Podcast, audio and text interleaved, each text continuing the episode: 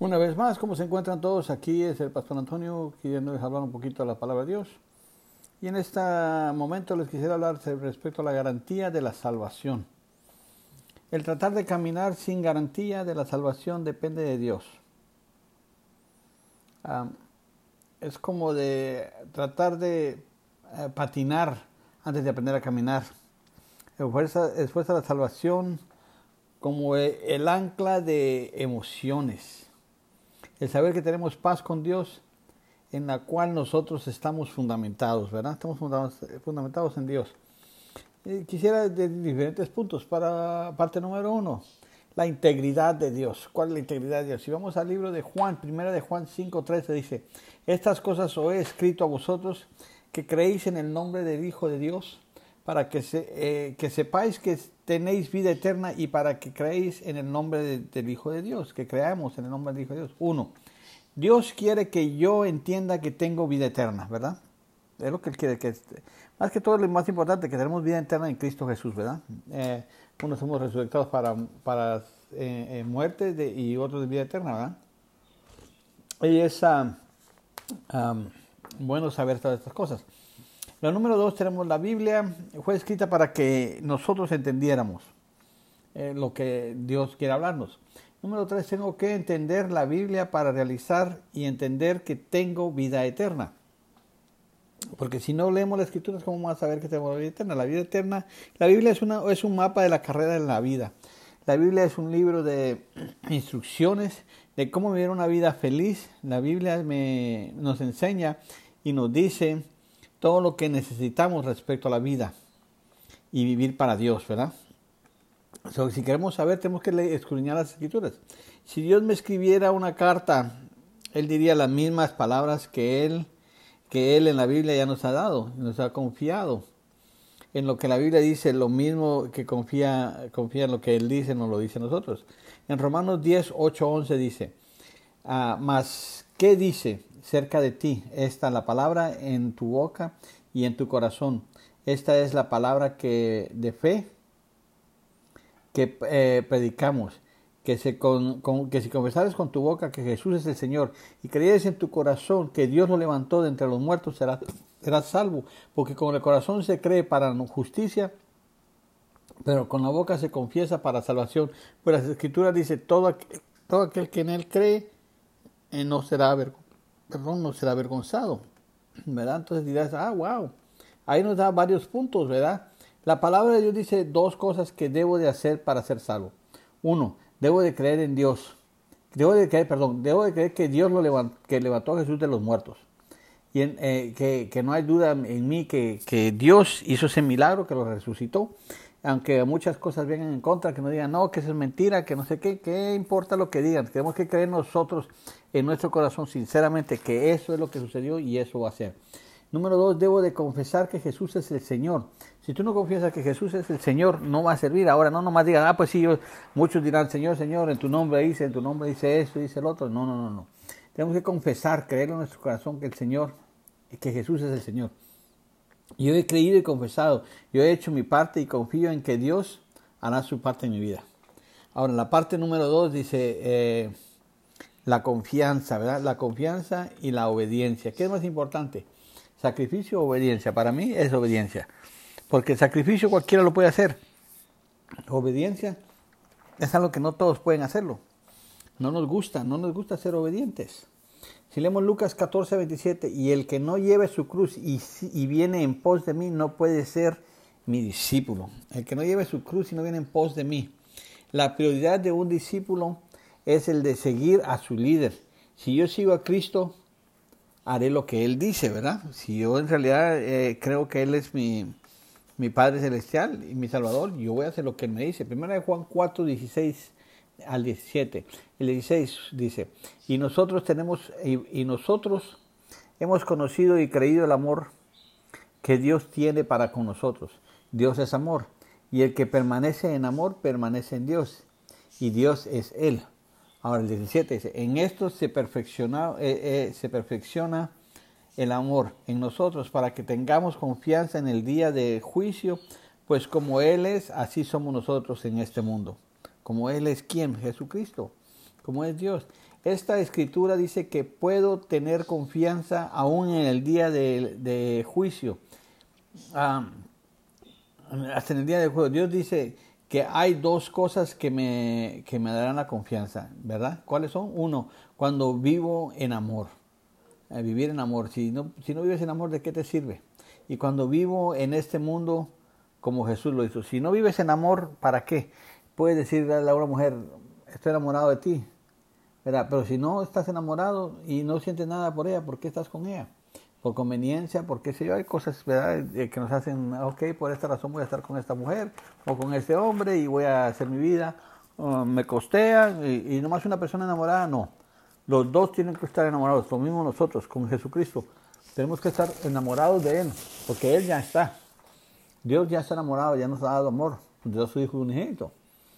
Ah, ah, la obediencia no, no, me, no me dio la salvación. El ser obediente no me da la salvación, ni me hizo ser justificado. Pero si estoy determinado, si tengo la confianza. Pero si eso determina, determinadamente si tengo confianza. Para tener confianza debo seguir a Jesús. ¿Y cómo lo vamos a hacer? Eh, seguimos en 1 Juan 3:16. En esto hemos conocido el amor, en que Él puso su vida por nosotros, también nosotros debemos de poner nuestras vidas por los hermanos. ¿Cuántos sabían eso? No creo que muchos lo haríamos. Y digo haríamos porque yo estoy incluido ahí. Que demos nuestra vida por un hermano eh, en la iglesia o por algo. Llega el momento que va a haber persecución. ¿Cuántos de nosotros eh, eh, daríamos nuestra vida por nuestros propios hermanos en la iglesia, verdad? Yo puedo dar mi vida por mi hermano y, expresar mi amor encontrando, el, encontrando en él un lugar donde servir. Encontrando un lugar donde servir en la iglesia. ¿Verdad? Yo puedo dar mi vida por mi hermano y expresar mi amor. Encontrando un lugar donde servir y hacer algo. Puedo enseñar haciendo lo que Jesús hizo, en, en seguirlo a Él, en el bautismo de agua y confesión pública en bautizarnos en el agua y, confesar públicamente que hemos eh, eh, dejado todo a cambio del Señor, a cambio de, Jesucristo. Primera de Juan 3, 21 dice, amados, si, vuestro, si nuestro corazón no nos reprende, confianza tenemos y, eh, confianza tenemos en Dios. ¿no? Y el 22 también, perdón, 1 Juan 3, 21, 22. Y cualquier cosa que pidiéramos, la recibiremos de Él porque guardamos sus mandamientos y hacemos las cosas que son agradables delante de Él. ¿Qué es agradable delante del Señor? Es una gran pregunta. Colosenses 1.21 dice, y a vosotros también que creerais en otro tiempo extraños y enemigos en vuestra mente, haciendo malas obras. Ahora os, os, os es reconciliado en su cuerpo de sangre por medio de la muerte, para presentarnos santos y sin mancha e irreprensibles delante de Él. No tenemos mancha, no tenemos problema delante de Él, porque ya hemos tomado la decisión de que, hey, ¿sabes qué? Este, sí, ahora somos, éramos enemigos de Dios en nuestra mente, haciendo cosas malas, dice. Cosas malas, ¿como qué? Ah, ah, para muchos eh, eh, no es malo el tomar, no es malo el echar maldiciones y cosas así, ¿verdad? Pero eso es malo, el desear la muerte de alguien más, ¿verdad? Pero ahora eh, estamos reconciliados en su cuerpo de sangre por medio de la muerte para presentarnos santos y sin mancha e irreprensibles delante de él. Que ya el Señor murió y nos dio todo a cambio. Nos ha dado a nosotros esa parte, ya, ya somos libres ahora, ¿verdad? ya somos cambiados, ya no existe nada más en nuestra vida que nos pueda, uh, ¿cómo le dijera? Destruir.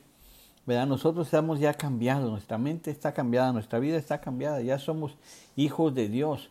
Ahora tenemos que seguir una vida completa en Él. Si, si nos recordamos en el libro de Isaías 55, 6, según recuerdo, dice, buscar a Dios ahora que puede ser mientras puede ser, eh, ser hallado. Mientras puede ser hallado. Buscar a Dios mientras puede ser hallado. ¿Se imaginan? Quiere decir que va a llegar un momento en que ya no va a poder ser hallado. Ahorita es bueno ser salvo.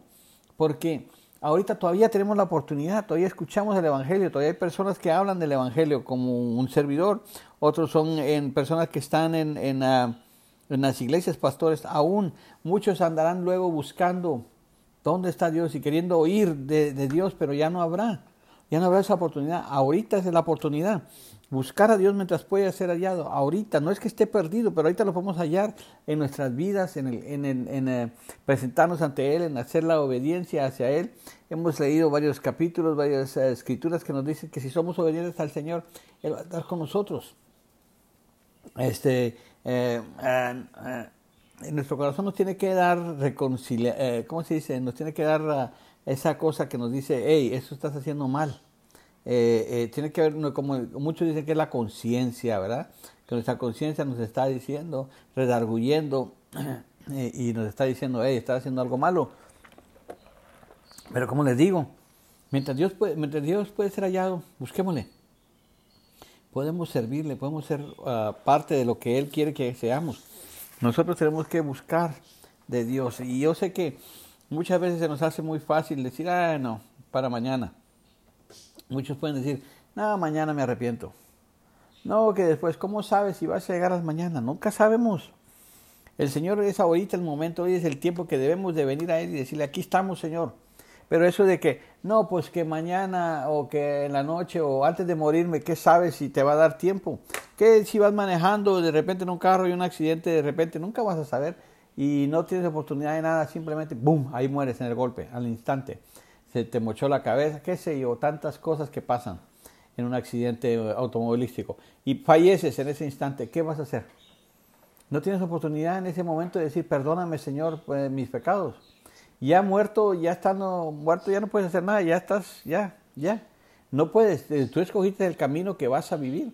Muchas veces dicen, oh, pues él era cristiano, era buena persona. No, no, no, nada eso tiene que ver. Porque no por obras para que nadie se gloríe, sino que tenemos que hacer lo que Dios nos dice. Tenemos que ser obedientes al Señor. Si no ponemos obediencia a las cosas de Dios, nunca vamos a llegar a hacer nada. Número uno, tenemos que tener, conocer el amor. ¿Qué es el amor? El amor de Dios hacia con nosotros. Tenemos que conocerlo. No es fácil. El amor, eh, muchos dice, muchos decimos la palabra te amo en inglés. En inglés hay una cosa, I, love you, eh, eh, te amo. El I love you se puede traducir en muchas maneras, pero en español decimos te amo, Señor. Amarte, a quererte es una cosa. El amarte es algo que estás dispuesto a hacer cualquier cosa por esta persona o este, en este caso por Dios que no lo miras. Estás dispuesto a hacer cualquier cosa por Él. Y estás dispuesto a llevar la cruz, a tomar tu cruz y llevarla. ¿Por qué? Porque lo amas. Amas. Ahora, el traducirlo, el amor en inglés que dice, oh, I love you. I love you, Lord. Te amo, Señor.